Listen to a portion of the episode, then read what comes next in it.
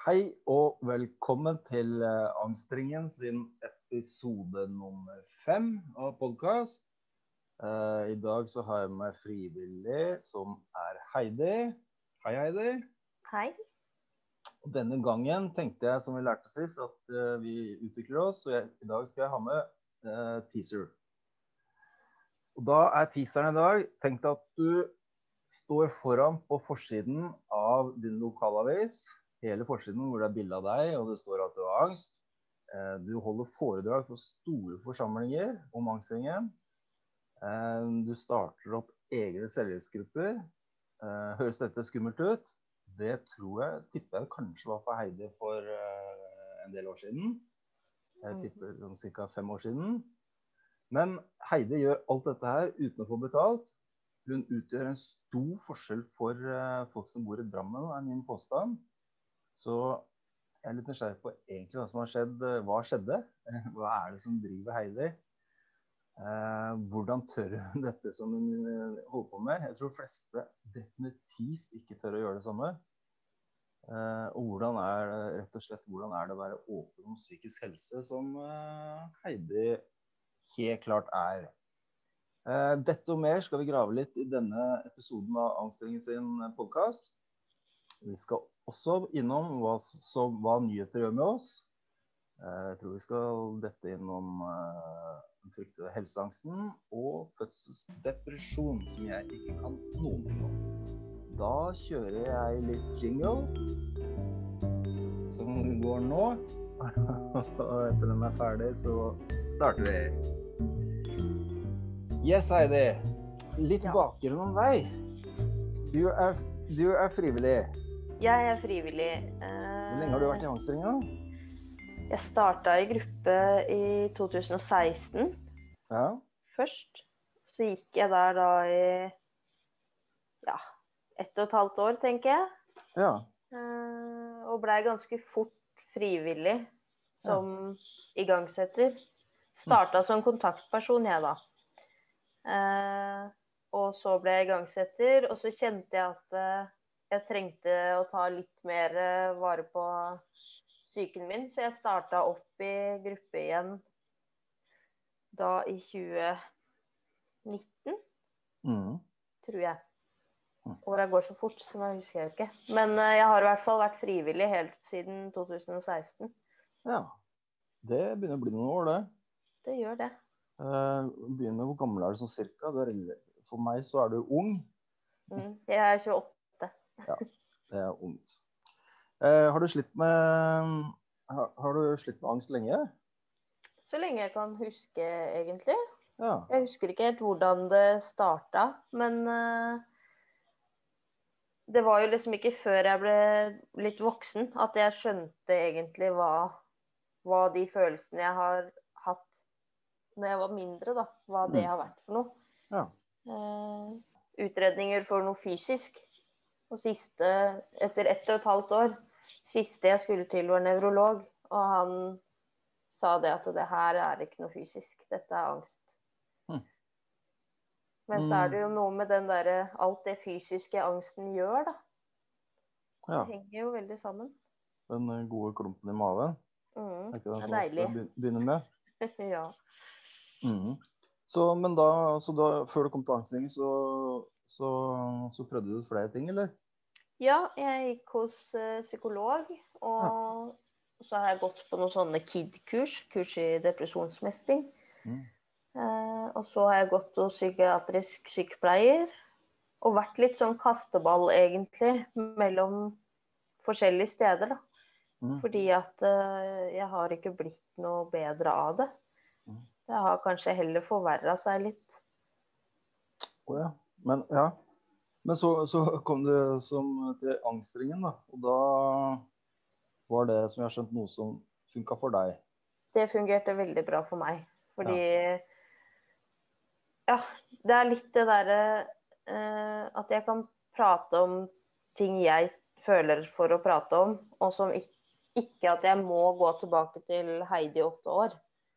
Altså, mm. for det å være litt mer sånn her og nå. Prate mm. litt mer om hvordan jeg har det akkurat nå, og hva jeg kan gjøre med det. Mm. Uh, I stedet for å da skulle gå tilbake igjen og tenke at uh, OK, nå er jeg åtte år, og nå er det sånn og sånn. Og sånn som vi holdt på hos alle de behandlerne jeg har vært hos, da. Mm. Ja. Og så var det noe med at du også på en måte ble litt aktiv, da, eller? På en måte mer behandling, er det noe, eller? Så ikke var den profesjonelle, var det en viktig bit? Ja, for meg så var det veldig viktig. At jeg heller møtte andre med lignende erfaringer, da. Mm. Uh, og jeg har fått veldig mange sånne aha-opplevelser i, i, de gruppemøtene. Uh, hvor jeg har tenkt at jeg er den eneste i verden som er sånn, eller har opplevd sånn, eller Og så viser det seg at fem av ti rundt det bordet har opplevd akkurat de samme symptomene, eller Det har liksom vært Jeg føler at jeg har mer sånn der tilhørighet, at jeg kanskje ikke er, er så aleine om ting som det jeg trodde. Mm. Og så er de ganske, som regel ganske normale, ålreite folk. Og ja. Ja, det var jo det dummeste, holdt jeg på å si. Eh, før det informasjonsmøtet så tenkte jeg at nå kommer jeg jo til å komme inn i, til en gjeng med masse rare folk. Mm. Som sikkert er helt ute, liksom. Og så var det helt normale folk som Ja. kunne ikke se på de at de hadde angst, og kunne ikke Ja, det var jo ikke noe spesielt med de på den måten. Mm. Så da fikk jeg avfeid den eh, dumme forhåndsdømminga der, i hvert fall. Ja. ja. Men jeg, du merka kanskje også at um, det er klart at den behandlingen du hadde gjort, og det arbeidet du hadde gjort med før, det, man lærer jo hele veien. Mm. Og du hadde sikkert mye av den jobben der hadde du vel sikkert også med deg inn i en gruppe angstringer. Ja, det er klart. Jeg, hadde, jeg har det er liksom ikke sånn enten-eller, liksom. Nei, Du har plukka opp mye sikkert som du jeg har plukka opp mye. Og nå står jeg jo på venteliste hos psykolog, fordi Mm. nå føler jeg at jeg har kommet så langt i egen Ja. prosess at jeg på en måte er klar for å starte opp uh, profesjonell behandling Mm, i tillegg til selvhjelpsgruppe, da. kult. Spennende. Ja. Men, eh, men du, du følte deg ikke fornøyd etter, eh, etter at du var ferdig i første runde med gruppe? Liksom. Du hadde lyst til å jobbe som frivillig? Jeg vil jobbe som frivillig fordi Uff. at jeg veit sjøl hvor godt jeg har hatt av å gå i gruppe. Mm. Og da har jeg hatt så lyst til å på en måte veilede andre da, til å ja, sette i gang grupper og Eller ved å sette i gang grupper. Og på en måte vise de litt hva angstringen er, da. Eh, Så de også kan ha muligheten til å få et utbytte av det. Og så gjør det noe med egen prosess også. Det er kanskje det viktigste. Nesten litt sånn egoistisk eh, oppi det her, føler jeg. På en positiv måte. Det var godt å At- høre. Ja. At jeg får så mye ut av det sjøl når jeg sitter og setter i gang eh, grupper og får masse nytt input. Og da klarer jeg å på en måte jobbe videre med min egen prosess, da. Så du, så du glemmer ikke alt du har lært, og holder ting ved like? Ja. Jeg ser på det så, og det er klart du prøver deg på nye situasjoner. Mm. Jeg tror du, du har jo prøvd deg på veldig mye som veldig mange som ikke har angst, hadde turt i hele tatt å drive med. Ja. Eh, Så, så, men eh, jeg ser på når man gjør sånne ting, så er det nesten så å få en liten vaksine. For da blir plutselig andre ting igjen så veldig enkelt. Ja. Er det noe der? Det er jo det. Og så er det litt sånn Før så sa jeg jo ja til å være med på alt fordi jeg ikke turte å si nei. Mm.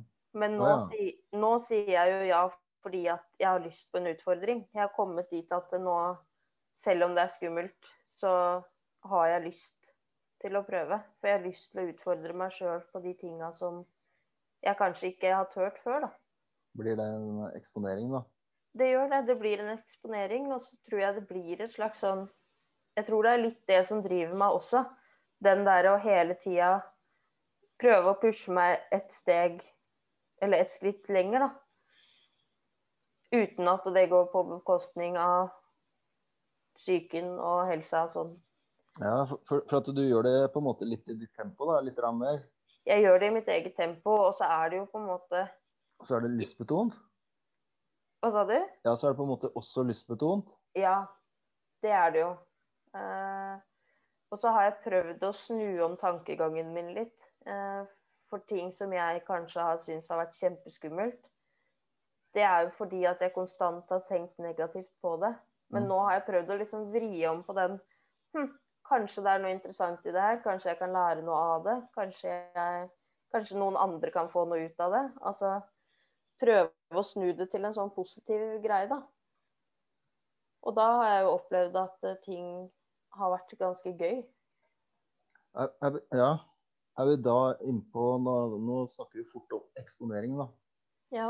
Um, for, jeg- for jeg opplever å snakke med mange som tenker at som egentlig er veldig frustrert. For de eksponerer seg og eksponerer seg, men uh, egentlig så føler man ikke at den blir noe særlig bedre.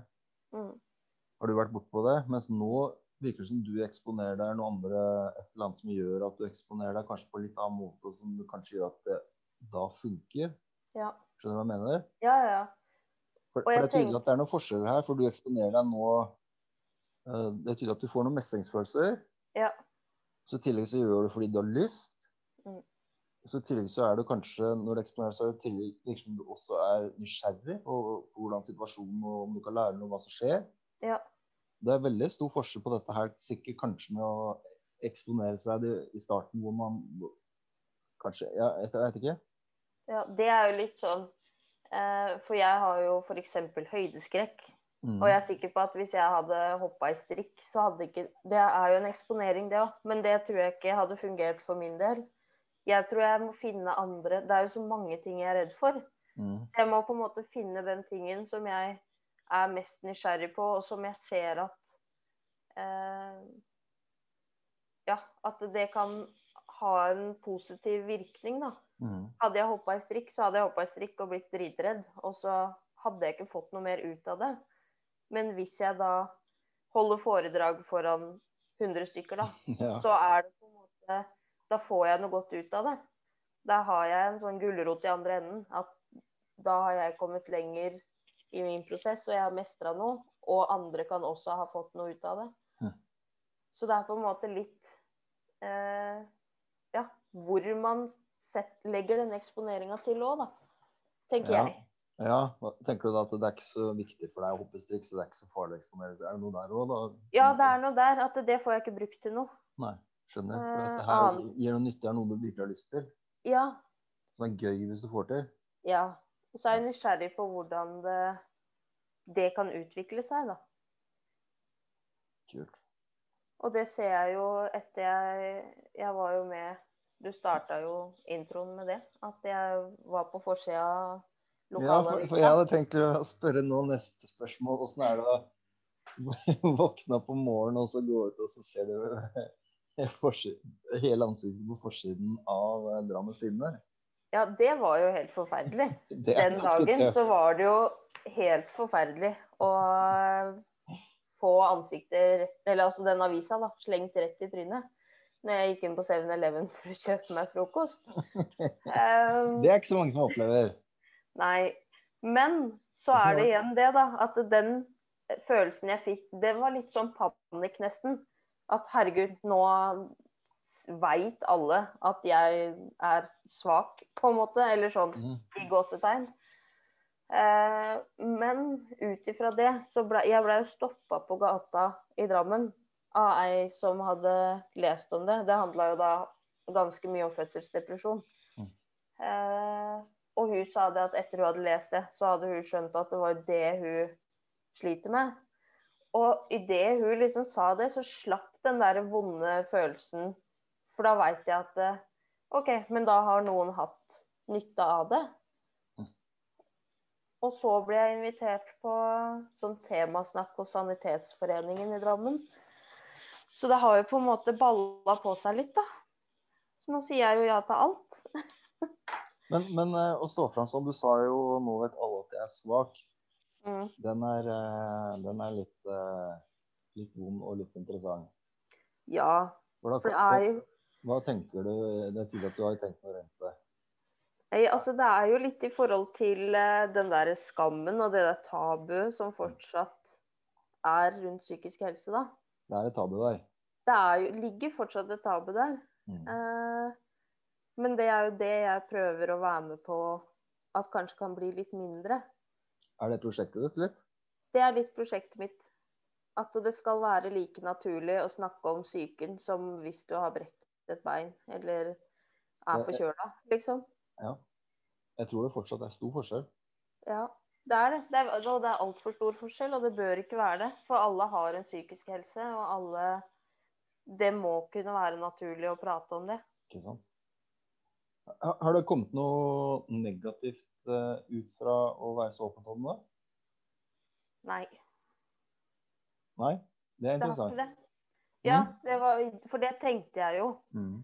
Eh, på forhånd så tenkte jeg gjennom det her, og da tenkte jeg at eh, OK, hvis det kommer noe negativt, så får jeg håpe at det kommer i hvert fall én positiv ting. Så jeg kan prøve å liksom eh, la den stå sterkere enn det negative. Men det har jo ikke kommet noe negativt.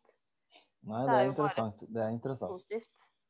Og da tenker jeg, hvorfor skal det da være så tabu? Når, når det bare kommer positivt ut av det, da? Hva er, hva er det som har kommet positivt ut av det? Nei, det er jo det at eh, For det første at ting har blitt tatt opp, sånn som det her med fødselsdepresjon. Mm. Uh, da ble jo det plutselig et helt temamøte som ble streama på Facebook. Mm. Og det blei litt sånn snakkis rundt det. Og så har det jo vært at andre, både folk jeg kjenner og folk jeg ikke kjenner, de har jo kommet til meg og på en måte åpna seg litt mer, da. Og, og da tenker jeg at da har allerede den der tabu tabuen begynt å bli litt svekka. Fordi at jo flere som åpner seg litt om det og tør å prate om det, jo mindre tabu er det jo. Ja. Uh, ja, det er spennende der. Altså, plutselig jeg også den erfaringen uh, Jeg jobber jo nå i Angstringen. Uh, folk, folk spør jo liksom hva de gjør med. Jeg, jeg jobber i Angst. Og så Men det eneste negative Eller eneste, ja, ikke, eh, eneste som skjer, er jo faktisk at man Hadde jeg vært en sånn vanlig standardjobb, så hadde man på en måte ja, vanlig praten som man har gjort i alle år. Ja, bilen går bra, været er fint. Mm. Når du hører det, så plutselig whoops, og så plutselig, Det eneste jeg har følt, er at man plutselig har noen spennende samtaler med folk som man ellers Ikke ikke hadde hatt. Det er min Ikke erfaring. Ja, det er eh, min erfaring også. Plutselig snakker man Eh, om noe som betyr noe interessant i livet. Ja. Det er jo litt sånn eh, For jeg jobber jo i en butikk, Ja. en klesbutikk i Drammen. Eh, og der Vi selger barnetøy. Så det er jo naturlig da at det er veldig mange småbarnsforeldre som er innom. Og etter det her var på trykk i avisa, så har jo til og med kundene helt ut av det blå kommet og begynt å prate om deres opplevelse av en fødselsdepresjon, eller hvor, at ting kanskje ikke alltid er helt rosenrødt da, når man nettopp har fått barn. og At det på en måte er litt sånn Man senker garden litt, da, og føler at kanskje at det er greit å prate om det. For det er faktisk flere. Men faktisk da vil jeg tro at det er relativt bra for butikken. At Mm. du eh, har den. Og folk, det er klart folk vil jo handle der. Ja. Og gjør de ikke det, så, så har, uansett så har i hvert fall du hjulpet noen med å få et uh, sikkert litt lettere hverdag. Ikke sant? Og det er det jeg tenker, da. Om det bare er én person Ja. Er som har lest noe, eller sett på et foredrag jeg har holdt, eller hører på den podkasten her, eller et eller annet, da. Om det bare er én person som får noe positivt ut av det, så tenker jeg at da har jeg i hvert fall kommet litt lenger i det prosjektet mitt. Om å gjøre det litt mindre tabu. Så du er en barmhjertig samaritan, altså. Selv om du gjør det av egoistiske grunner. Jeg syns det høres sånn ut. Det er spennende. Man blir, eh, det er bra.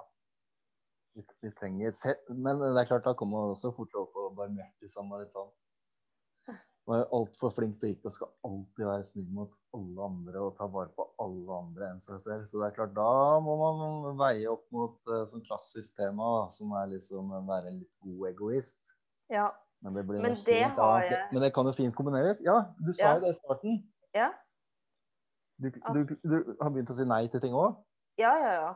Fordi at uh, jeg jobber med den flink pike-syndromet mitt. For det har jeg også hatt Ja, siden jeg Ja. ble født omtrent. Og Ja. jeg tenker at nå er det på tide å sette meg sjøl litt lenger fram i rekka. Og trenger ikke å gjøre alle til lag, så alle trenger ikke å like meg. Og jeg trenger ikke å like alle heller. Nei. Så det er på en måte Det meste jeg gjør, gjør jeg mest for meg sjøl. Selv, selvfølgelig for andre også. Men Det kan, det kan fint kombineres. det kan fi Ja, det er nettopp det. Det kan kombineres. Mm. Og det er det som er så fint. Når jeg, jeg kan putte meg sjøl inn i det lille prosjektet her også. Ikke Mm. bare gjøre det for alle andre. Nei. Nå følte jeg at det hørtes veldig slem ut, men, eh, men det er tror, viktig å ta, ta hensyn til seg sjøl, da. jeg, tror ikke det er noe med slemhet å gjøre. Nei. Jeg tror ikke det er noen som har noe far for å, å trekke den konklusjonen ut av dette her så langt. Nei, men det er spennende. Det er imponerende. Um, um, ja, men det er klart, det, det er mange som ehm, Det er nok mange som kjenner seg veldig godt igjen i det. Det er mange som, i hvert fall i starten, når de begynner å ta tak i angst og gjøre noe med det, så er det klart at mange føler en voldsom skam og frykt for at folk skal få greie på dette her, eller vite at det er for, for du sa mange tror, tenker at det er noe med svakhet å gjøre, men det har jo absolutt ikke det å gjøre. Nei.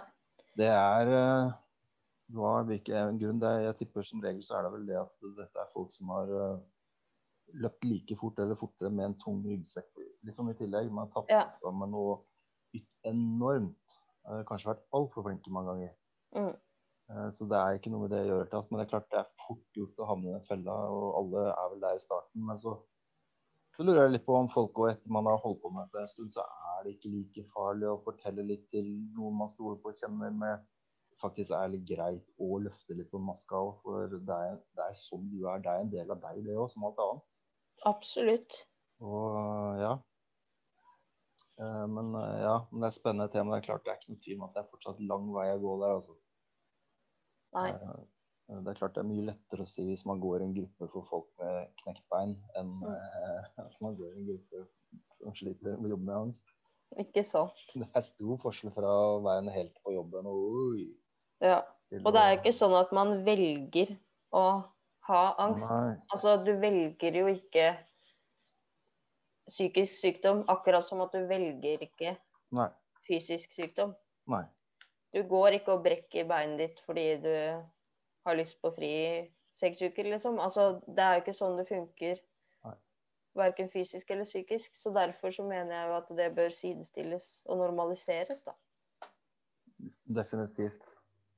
Det, det, man foretar, det beste man foretar, er at man begynner kanskje å snakke om ting som betyr litt, og som er litt interessant å snakke om, istedenfor bare å gå rundt grøten. Mm. Um, men da, da tenker jeg Da ble jeg litt, litt nysgjerrig. Da, liksom, uh, kan jeg spørre om hva som er ditt hoved...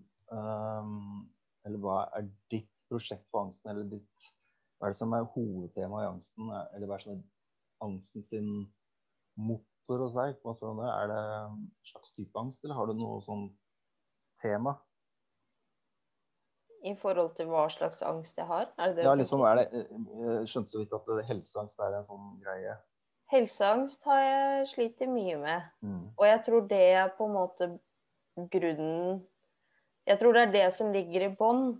Og så har jeg utvikla en slags sånn generell angst ut ifra det, da. Mm. Og så- Eh, Um, uh, så liksom hvis man skal gå Jeg skjønte liksom helseangst. Ultimate frykten for helseangst som er det angsten for å dø. Det, da. det så kan man komme så dypt ned i det og finne ut av det. ja, det er vel det som er på en måte utfallet av alle de alle de tinga jeg har hatt når jeg googler. Ja. Det er jo stort sett den veien det går da. ja. Hvis jeg googler symptomer og ja Åssen åssen- foregår helseangst når helseangst stopper, liksom? Er det følge med på kroppen hele tida og Ja, mange, mange besøk hos legen og mye googling? Er ikke det man driver med da?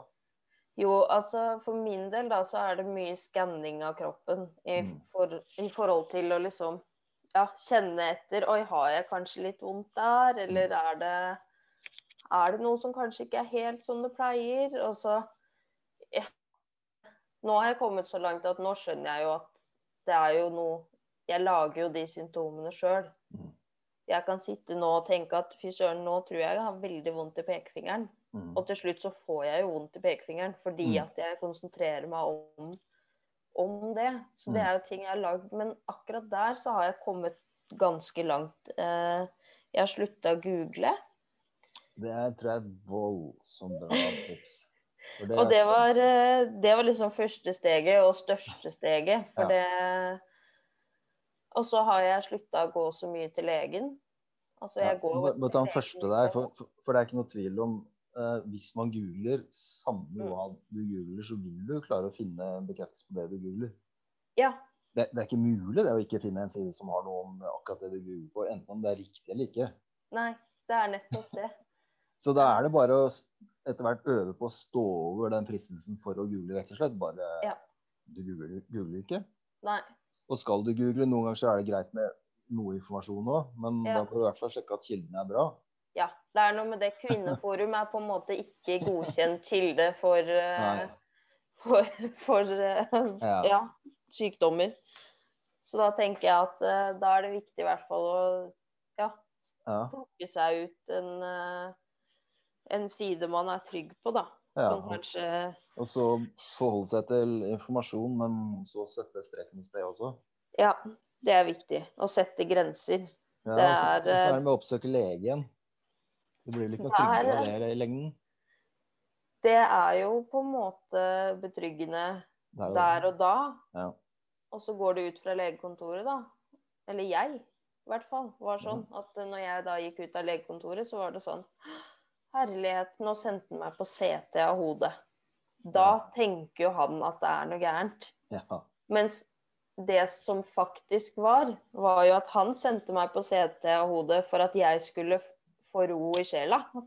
For at jeg skulle slippe å være så bekymra. Så det er jo liksom Det er to helt forskjellige ting, og det baller seg på med den derre konstante kaostenkinga da, og krisetenkinga. Ja, ja. Krisemaksimerer alt. Jeg dør av alt, Mm. liksom. Og jeg får alle de verste sykdommene. Hvis jeg har litt vondt i Mm. på den ene siden av hodet, jo, da har jeg helt sikkert uh, svulst på hjernen. Mm. Altså, det er sånn Og det er så irrasjonelt. Og det er på gode dager så kan jeg tenke at hva er det jeg driver med? Hvorfor lar jeg meg sjøl dra meg ned, liksom, da, på den måten?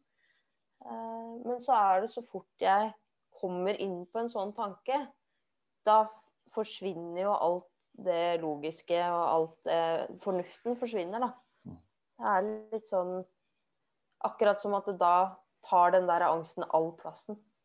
Men du, men, ja, men du har jo først eh, gitt den angsten veldig mye plass òg, da. Eller Ja. grublinga og Ja. de tankene. Det er sant. Ja. Du har vel, eh, for det er klart at eh, gir man en viss type tanke eller symptomer et eller annet full oppmerksomhet, det er klart eh, hjernen kan eh, Han tenker jo bra. Han eh, har god fantasi. Veldig god fantasi. Mm. Ja. Eh, men Så, så det er vel ikke grenser hvis man gir den 100 eh, oppmerksomhet i tankene og, og muligheter, så den jobber, den. Absolutt. Og den er flink til å lage symptomer. Mm. Og- Ja, det kan også skje. For det er jo noe med det syk, altså psyken og det fysiske henger så sammen at ja, jeg klarer veldig fint å lage meg symptomer på ting jeg har lest om. Mm. På VG da, så står det f.eks. en sånn der plussak om disse tegnene må du, må du være obs på. Ja, ellers, så- ellers, eller, parentes, ellers så er du død om fem dager, nesten. Ja, det er litt sånn. Og da er det sånn derre OK, men da går jeg inn og leser, da, for det er jo kjekt å vite. Og kan sitte og da ikke ha noen symptomer. Og når jeg da er ferdig med å lese artikkelen, så er det sånn Å, guri land, nå har jeg jo Dette er liksom ti av ti symptomer.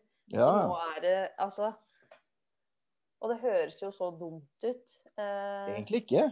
Hvis man ikke har noe erfaring eller, eller eh, noe kunnskap om hvordan hjernen kan fungere hvis, med tanker og bekymringer og noe opplæring i hele tatt, mm, så er det ikke rart at uh, man fort kan kjøre seg i løpet av livet kan kjøre seg litt inn i en sånn situasjon hvis man ikke kan noe om det.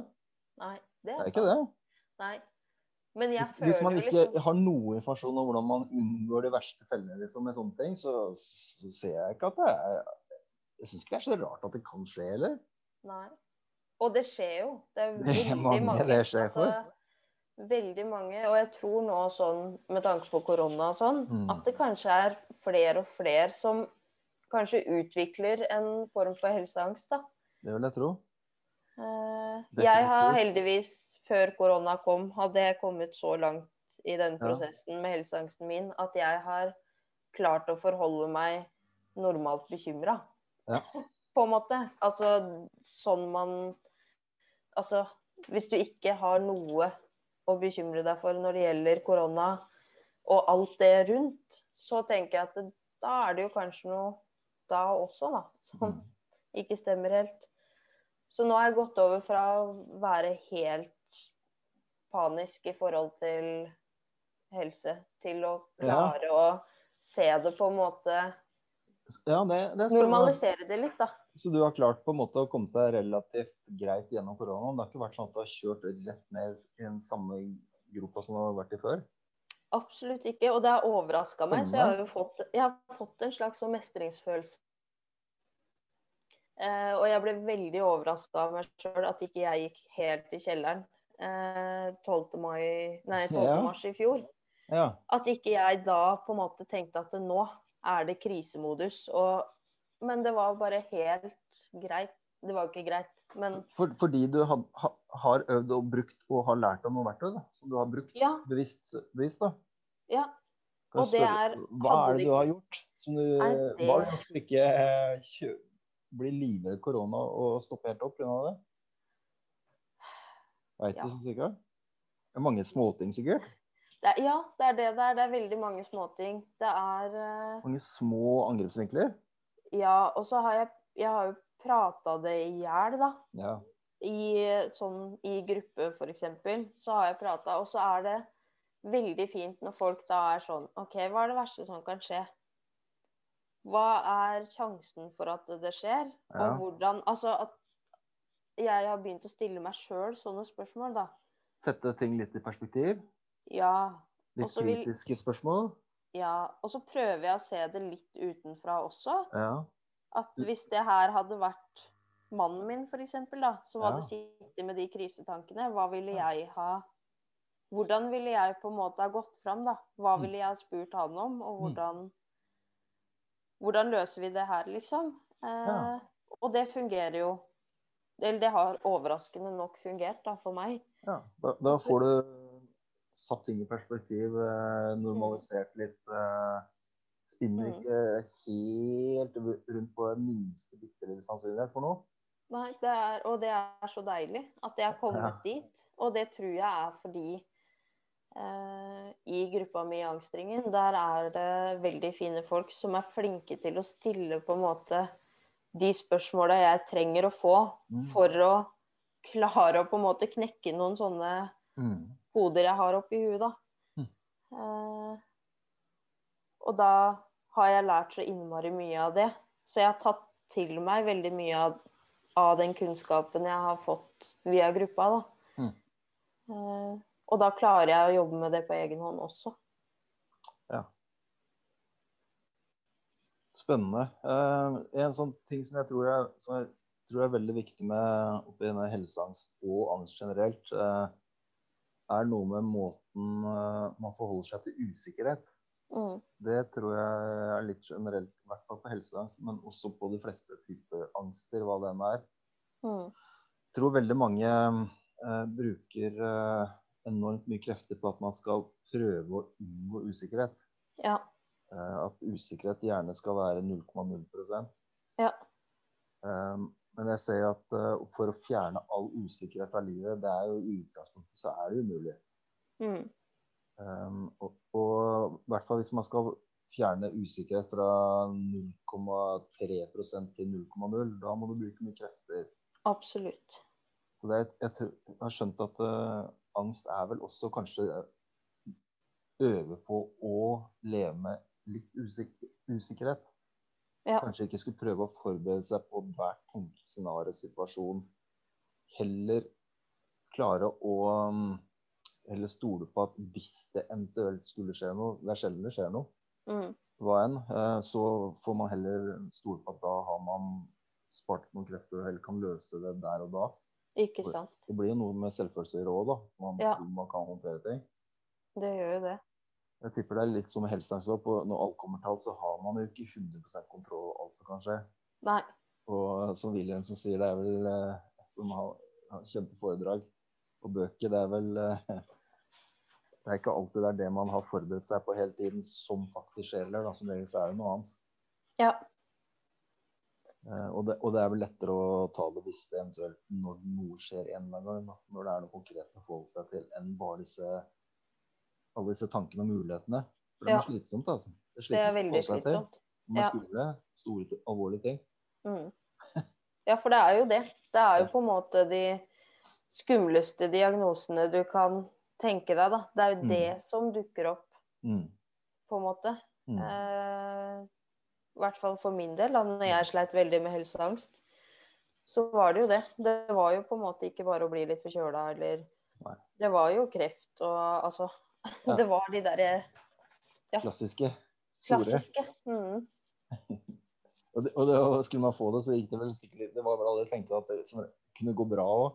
Mm. Ja. Spennende. Men, eh, men også veldig spennende at det, men, men det er klart eh, eh, Det er tydelig at du jobber jo aktivt med det du lærer i gruppa, og tar med deg og blir inspirert av de andre. og Mm. det er tydelig at du, du jobber med ting. Men, men det er klart at uh, du har jo også lært deg ting underveis da, som du tydeligvis tar i bruk når koronaen kommer. liksom da. Absolutt. Du har fått deg en verktøykasse liksom, som du begynner å bli Ja. trygg på, eller? Ja. Og det er jo sånn, det er jo ikke sånn at jeg er kvitt uh, noen, noe angst. Uh, men jeg har lært meg å leve litt mer med det. Og det er vel det som har vært målet mitt også. Jeg vil jo ikke bli kvitt den. Eh, jeg, vil jo, jeg vil jo ha litt av den. Fordi at den har jeg kjent hele livet. Det der er provoserende når folk sier nei, jeg er glad Jeg i vet det. Det høres, men det er, det er allikevel spennende. Ja. Jeg ble veldig provosert av det i starten, jeg Men nå, også. nå er det faktisk ikke noe du sier til at skal høres kult ut. Du mener det litt òg. Jeg mener det. Helt eh, er det du er glad for at du har vært gjennom dette her, da. Jeg er glad for det, fordi at jeg føler at eh, ut fra det så har jeg på en måte blitt mye sterkere, og jeg tåler kanskje litt mer enn veldig Eller enn andre, da. Som Mhm. ikke har Som kanskje aldri har vært borti noe angst eller depresjoner eller sånn. Jeg føler at eh, det skal litt mer til for å knekke meg, da. Mm. Og ja, så er det jo noe med det derre trygge i det utrygge også. At uh, det er jo det jeg Jeg har jo kjent det her hele livet. Og hvis Mhm. jeg nå plutselig da ikke skulle hatt et snev av angst, liksom, hva gjør jeg da? Mm. Det høres jo sikkert veldig Nei, men det er klart at det er de sier, man skal bli kvitt den uh, vonde angsten. Den som tar Ja. enormt For det, vi skal ikke bare se når du står på, det er vondt. Det er ingen dans Mm. på roser. Det er tøft. Absolutt. Um, men det er klart at man skal jo, den skal man bli kvitt. Men man skal jo sitte i en, uh, en normal angst. da. Den Gode angsten Mm. som tar vare på deg. Ja, det urinstinktet, det er Ja. viktig å ha. Mm. Ellers så lever du ikke så lenge. Men jeg tenker også, angsten har jo fått deg til å Med at du jobber så aktivt og, og har et prosjekt på gang, så du opplever mye òg. Du får jo være med på mye situasjoner og starte grupper, foredrag. Podkast, eh, seminarer. Du, du, får, du får jo oppleve mye òg, da. Absolutt. Og det er jo litt gøy fordi eh, Du nevnte jo å, å dra på seminar. Det er jo Ja. også sånn som jeg vanligvis ikke hadde Ja. kanskje gjort, da. Én ting er å dra på seminar. En annen ting er jo det å skulle prate foran hele seminaret. Det er stor forskjell. Det er stor forskjell, og det er liksom sånn Men det er noe med det at det, det er gøy å utfordre seg. Før så syns jeg jo ikke det. Eh, men nå så tror jeg jeg har blitt så trygg på ja, kanskje litt hvem jeg er og min rolle, da. Mm. Eh, sånn i samfunnet. At, at jeg nå tør å prøve og har lyst til å utfordre meg. Ja, for, for da dette spørsmålet Har angsten gjort på en måte at du vet litt mer eh, Har det ført til at du vet litt mer hvem du egentlig er som person nå? Ja, altså Har du det blitt, blitt mer eh, kjent med deg selv og, og godtar det på en måte og, og litt mer Ja, du vet rett og slett mer hvem du er. og Hva Ja, Ja. er du Det med er deg jo selv? litt sånn Det høres jo sikkert veldig sånn klisjé ut, men uh, før så var jeg sånn som Jeg fant jo ikke min plass noe sted, og jeg følte meg uh, utafor alle andre i forhold til at ja, jeg var hun som det alltid var noe rart med, liksom. Eh, fordi jeg har slitt med litt angst og litt sånn forskjellig. Eh, og når jeg da har jobba så mye som det jeg har gjort, fordi jeg jobber jo ikke bare de to timene jeg er på Angstringens gruppemøter, liksom. Eh, jeg jobber jo konstant 24 timer i døgnet, om Mm. jeg vil eller ikke. Mm. Og det er jo Da har jeg funnet ut at jeg trenger ikke å på en måte finne min plass blant alle andre. Det viktigste er jo at jeg på en måte finner en trygg plass i meg sjøl. Mm. At jeg på en måte klarer å Ja. Det handler litt om selvhevdelse også, tror jeg. Ja. At uh, ja, kanskje ikke jeg passer inn sammen med akkurat de, men så er det en helt annen flokk som jeg kan på en måte menge meg med. Og så trenger jeg ikke å ha noen Jeg har kommet fram til at jeg trenger ikke å ha en fast eh, et fast nettverk. Det går helt fint å på en måte blande det litt. Eh, fordi så lenge jeg er trygg på meg sjøl, at at jeg er eh, den jeg på en måte føler at jeg er, Mm. så er det det samme hvor jeg er hen. Og hvem som Mm. liker meg eller ikke. Så er der har jeg kommet ganske langt. Så du har på en måte en relativt god base i deg selv, da? Er det det der? Ja, jeg har bygd opp det, i hvert fall. Og den kan du klare å opprettholde relativt selvgående. Du er ikke dønn avhengig av andre for å ha den. Nei. Før så var jeg jo mer det.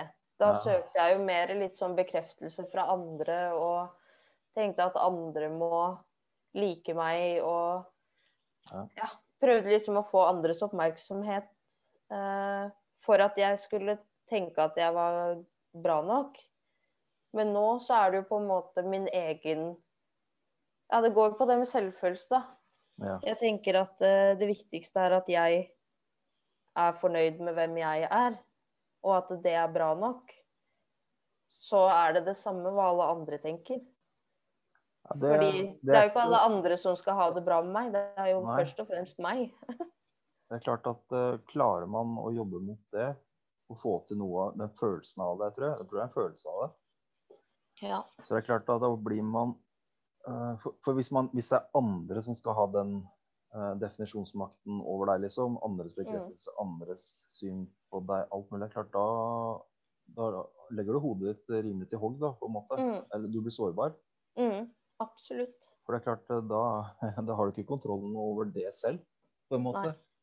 Det er klart det er en veldig stor forskjell på å produsere noe av det selv. Ja.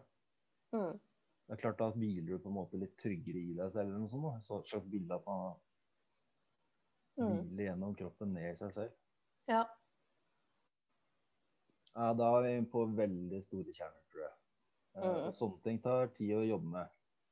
Absolutt. Og det Det er, jo en det, er vel periode egentlig, det er vel sikkert et prosjekt gjennom hele livet, vil jeg tro. For, for Ja, det tenker tenker i jeg. en eller annen form, på en måte.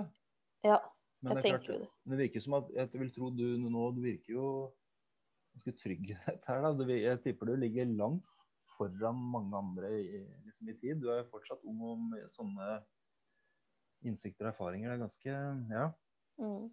Og det er jo litt sånn etter den fødselsdepresjonen jeg hadde i 20, ja, 2014-2015, da har jeg jo på en måte skjønt at eh, det blir, Da er det jo litt tilbake til det vi prata om i stad, det med å sette seg sjøl litt lenger fram i rekka. Mm. At hvis jeg ikke kan være noe for meg sjøl, på en måte, altså hvis ikke jeg kan være god nok for meg, så kan ikke jeg være god nok for noen andre heller. Eh, så det jobba jeg mye med etter eh, den fødselsdepresjonen. Det For at, jeg, Ja. ja, for at jeg skal på en måte kunne fungere som en god mamma, så må jeg jo klare å ha det bra i meg sjøl også, først. Er det den klassiske først sette i flyulykke, først sette surstoffmasken på deg selv før du hjelper Mm. andre? Det er den klassiske der. Ja, det ligger noe der, altså. Ja. Men eh, da, OK, jeg skjønner at du fører samtalen over på fødselsdepresjon. Eh, det skal vi snakke om litt i dag. Så har vi teaseren igjen. Mhm. Eh, jeg, vet, jeg vet hva eh, Fødselsdepresjon vet jeg ingenting om. Nei. Det er egentlig med vilje ikke lese opp i forkant heller, for det tenker jeg du kan sikkert veldig mye om. Så da, da er egentlig spørsmålet hva er fødselsdepresjon? Og for meg er det noe forskjell på vanlig depresjon som jeg vet om, og vet du hva er, sånn relativt. Um, er det en forskjell på fødselsdepresjon og vanlig depresjon?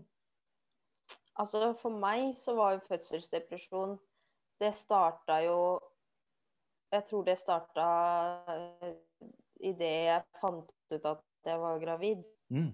Så starta det en prosess der fordi jeg hadde så angst for alt med svangerskap og fødsel. Og så fødte jeg jo, og så kom vi da over på det der med OK, her har jeg en liten baby, og den her har jeg ansvar for. Jeg. Eh, og det var altså så skremmende at jeg Ja. Jeg turte ikke å være aleine med henne, og jeg klarte så vidt å holde henne. Og jeg var jo Jeg var livredd for å gjøre noe gærent, rett og slett. Ja. Eh, og da kom det jo masse tanker.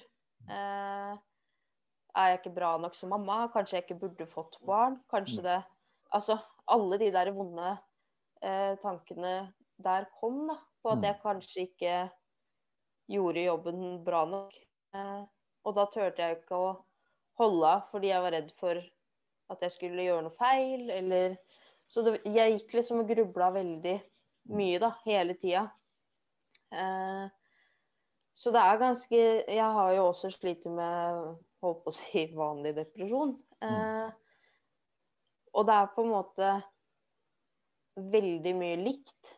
Det er bare, bare det at da har du liksom enda en å ha ansvar for. Mm. Ikke kun deg sjøl, men da er det faktisk et annet liv også som teller, hvis du skjønner. Skjønner veldig godt. Det er, Ja. det er ikke så rart at de tankene dukker opp, da. Nei. Jo, det er jo stort ansvar, det er ikke noe å lure på. Det er klart livet forandres. Men det er sikkert også en del hormonelt inni dette også, da. Ja, tror. det tror jeg også. Eh, og jeg turte jo ikke å si noe til noen. Ah. Eh, og der tror jeg Det tror jeg var eh, veldig dumt.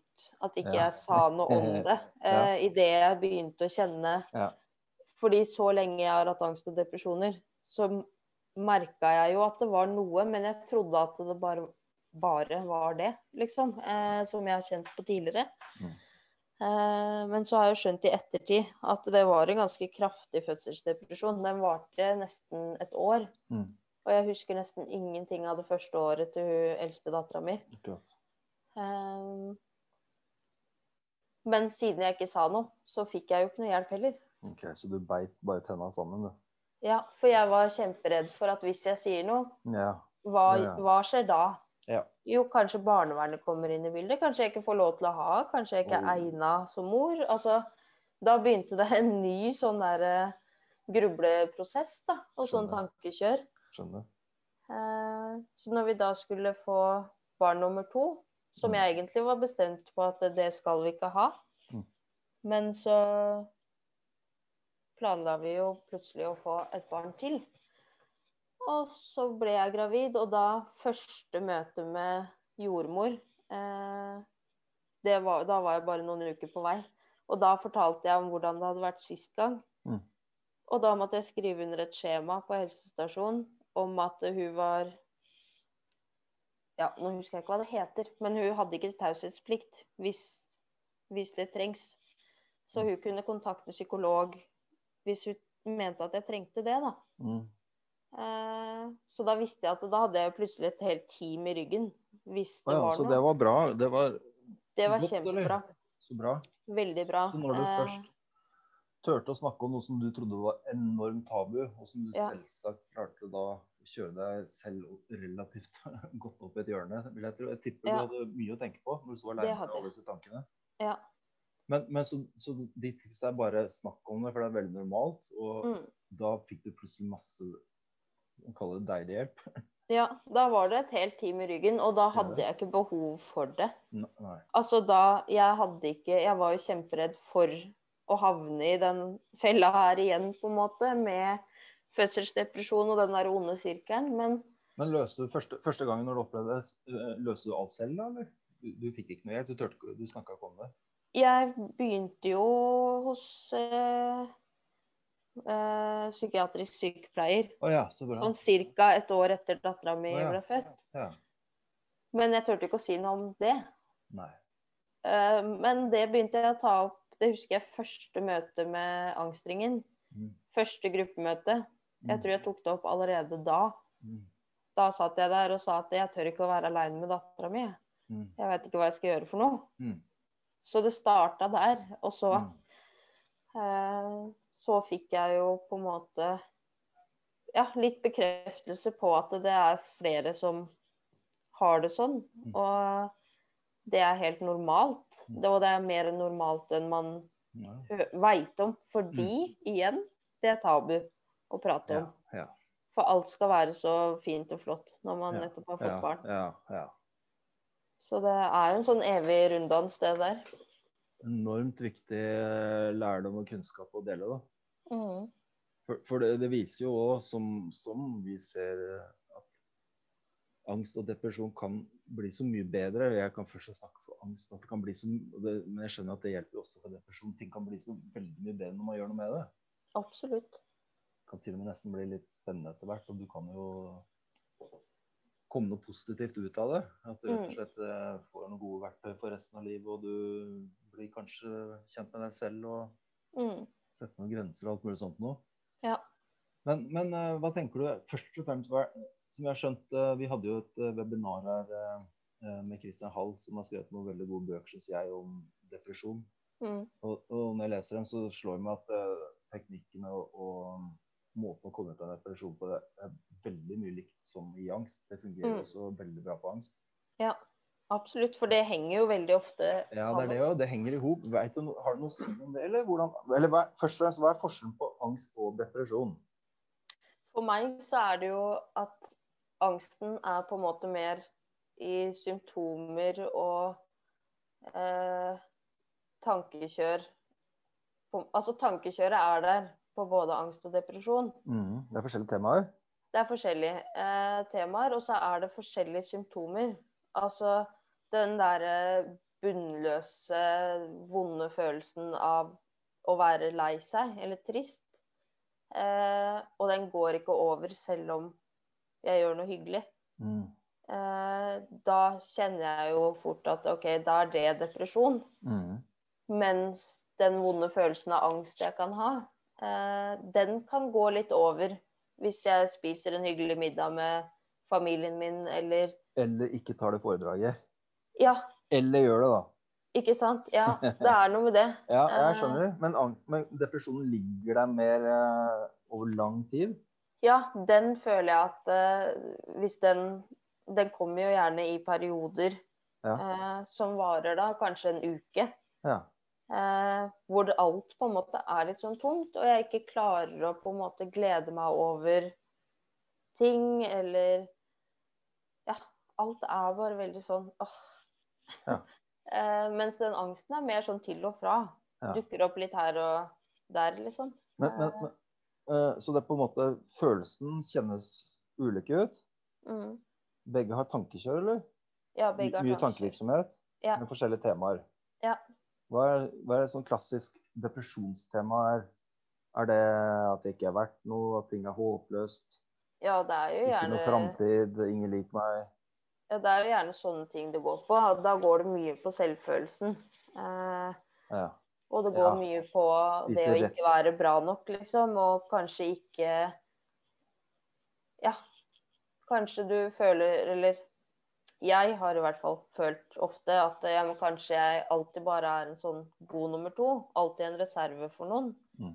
Eh, hvis du spør meg om ja, skal vi ta en kaffe, og så kommer jeg dit og blir kjempeglad for det. Eh, og så får jeg vite at ja, for hun andre kunne ikke, så da tenkte jeg å spørre deg. Altså den der å alltid være en sånn Mm. Ikke være noens førstevalg, da. Mm. Eh, det går litt over på den der ensomhetsfølelsen, egentlig. Ja.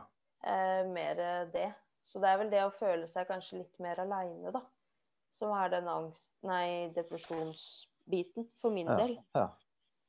Men, men jeg, jeg, før det webinaret med Hall, så leste jeg nok en gang boka hans, og jeg bare er utrolig bra skrevet og motiverende. Mm. Um, um, jeg tror jeg holdt på dette ut av hva jeg skulle si um, men, men, men jeg ser at eh, verktøyene er jo enormt like. Og jeg ser også at Mm. mye av liksom forklaringsgreiene bak, selvfølelse, jobbe med selvfølelse Det er veldig mye likt. Det er det. Så, så da tipper jeg at um, enten man skal ut av depresjon eller angst, så er det veldig mye uh, på en måte samme verktøy, liksom. Mm. Og kanskje, som jeg også så liksom forklaringsmetodene eller greiene bak var jo også enormt mye ulik. Så jeg liksom satt igjen med tanken nesten er det, er det hipp som happ om det slår Har man vært igjennom de samme tingene, liksom, så f.eks. mobbing eller et eller annet sånt i barndommen, liksom, så er det jeg satt nesten er det blir Enten så blir det angst, eller så blir det depresjon, liksom. Mm. Men eh, det er sikkert veldig mye forskjellige eh, Det er veldig biologiske ting også. Ja, Ja. selvsagt.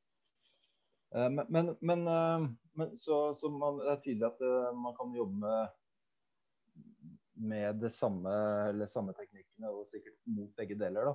Mm. Men, men så er det også det at det henger veldig ofte i hop også, gjør det ikke det? Jo. Angst og depresjon. Jo. Enten så begynner du med det ene, så får du det andre, eller et eller annet. Den går litt eh, hånd i hanske, gjør den ikke det? De gjør det. Og for min del, da, når jeg har eh, de tunge periodene jeg har depresjon, så kommer den angsten fort snikende på. Men da er det mest angsten for angsten. Fordi når jeg da har begge deler samtidig, så kan jo det da utløse, for meg i hvert fall, eh, som panikkanfall. Ja. Eh, men nå skal jeg si noe som er sånn provoserende igjen. Og det er jo det at eh, jeg prøver jo å provosere fram angstanfall. Ja. Ja. Du er der, ja. Jeg er der fordi at Altså, jeg gjør jo ikke det helt ut av det blå, men hvis jeg har gått med en sånn der angstklump i magen lenge, Mm. og den bare ligger og murrer og er dritt, Mm. så kan jeg Da er jeg sånn at jeg prøver å fremprovosere et angstanfall, fordi da blir jeg så rolig etterpå. ja. Ja. Men eh, da er det ikke Det er jo bare en følelse. Det er ikke så mye å være redd for noe mer, eller? Nei. Og det er litt sånn Din følelse, det er din kropp. Er det noe å være redd for? Nei. Det er jo egentlig ikke det. Og det er sånn det går, Jeg går mer og irriterer meg over den angstklumpen i magen, da, Mm. enn at jeg er redd for den. Det er mer et irritasjonsmoment. Ja, det ja. Men, men klarer, klarer, du å få, klarer du å få Jeg pleier alltid å spørre om det, da. Men klarer du å få noe informasjon ut av Hvis du kjenner at, den, at det ligger en følelse der og, og murrer, da. Klarer du liksom å være litt undra? Skjønner du noen ganger liksom hvorfor han er der? Ja, ja. Ja. Det, men ikke alltid. Nei. Men, Men noen er ganger så skjønner du kanskje Kanskje jeg skal gjøre ting på en annen måte. Kanskje jeg ikke har følt med, eller kanskje ja, at det er noe informasjon der. Har du opplevd det noen gang? ja, ja. Det har jeg. Og Det er det er litt sånn Men også kan jeg tenke en tanke som da eh, trigger angsten. Mm. Samtidig som jeg tenker den tanken, så kan jeg tenke Hva er det du driver med nå? Hvorfor går du og tenker på det her? Det gjør jo bare vondt. Det gjør jo ikke noe godt. Men den tanken fortsetter bare å surre. Men da blir den mye mindre skummel også. Mm. Fordi at jeg på en måte klarer å tenke litt mer fornuftig, da. Mm. Og tenke at det her er ikke rasjonelt. Nå må du skjerpe deg. Og det er jo ikke Det er godt at det er jeg som sier det til meg sjøl, for hvis noen andre Ja. sier til meg 'nå må du bare skjerpe deg', Ja, er så så er ikke det så bra. Men da har jeg i hvert fall kommet dit at jeg kanskje Ja, at jeg heller kanskje prøver å bli litt mer kjent med den følelsen, da. Enn at jeg Og er litt mer nysgjerrig på den. Enn at jeg bare syns det er kjempeskummelt. Jeg gjør det selvfølgelig også. Altså, nå skal jeg Ja, ikke høres ut som jeg er sånn skikkelig For det er en kraftig følelse. Det er jo det. Og Eh, Så han, han skal, det er klart den er kraftig, for den skal jo få deg til å reagere òg, i utgangspunktet. mm, Ikke sant. Men, men det det er klart, sånn... det er, det er milevis forskjell fra hvis man klarer å Fra å skulle gjøre alt i hele verden for at ikke den følelsen skal dukke opp fordi du er så redd Mm. for den, til Mm, at du faktisk OK, hvorfor dukker det opp nå? Hva er dette her? Hvordan kjennes det egentlig ut? Er det, mm, det er mm. veldig stor forskjell, da. Absolutt. Og da tenker jeg at da har jeg kommet veldig langt Ja. i prosessen min, men da blir det jo sånn OK, hva skal jeg Hva gjør jeg videre da? Kan du ikke bare ha det bra? Jo. Jeg prøver jo Prøver jo det, da. Men jeg har dårlige dager òg, så det er Ja, ikke ja. bare Altså, det er jo nei. ikke Skal jo ikke høres ut som at jeg har funnet noen mirakelkur, akkurat. Nei. Jeg har dager hvor jeg ikke går ut av døra enda. Ja. Eh, hvor ting er kjempeskummelt. Hvor jeg Ja. ikke klarer å på en måte få den der gode kontakten med de vonde følelsene, da. Mm. Um, men jeg, kommet, jeg detter ikke helt ned i kjelleren lenger. Jeg detter til første etasje. Og så kommer jeg ikke lenger ned enn det. Nei, men det er veldig stor forskjell. Eh, Du Ja. kjørte ikke ned i kjelleren med korona, f.eks. Det er en sånn god test, da, vil jeg tro, Mm. din helseangst. Da har du fått noen verktøy som du sikkert begynner å bli litt uh, trygg på. da. Mm, absolutt. du har litt trygghet i- i deg selv på en eller annen måte. Ja. ja. Nei, det er spennende. Eh, Jeg ble motivert. Det er mye kunnskap du sitter på her, altså. Det er ikke noe tvil om. Men du deler jo av det òg. Det er litt av et, eh, et spennende prosjekt. Drammen er heldig som har en uh, barmhjertig samaritan som går rundt der, og som også samtidig husker på å ta vare på seg selv. Da begynner, tror jeg vi skal begynne å avslutte litt der, for um, jeg tror vi har vært innom veldig mange ting.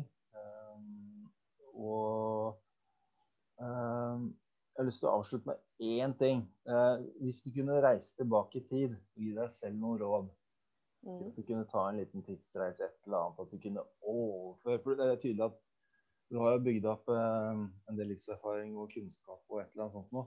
mm. Eh, er det noe du ville gitt deg selv noe enkle råd, enkle tips, triks? Noe du ville gjort annerledes? Er, går det an å avslutte med? Det går an.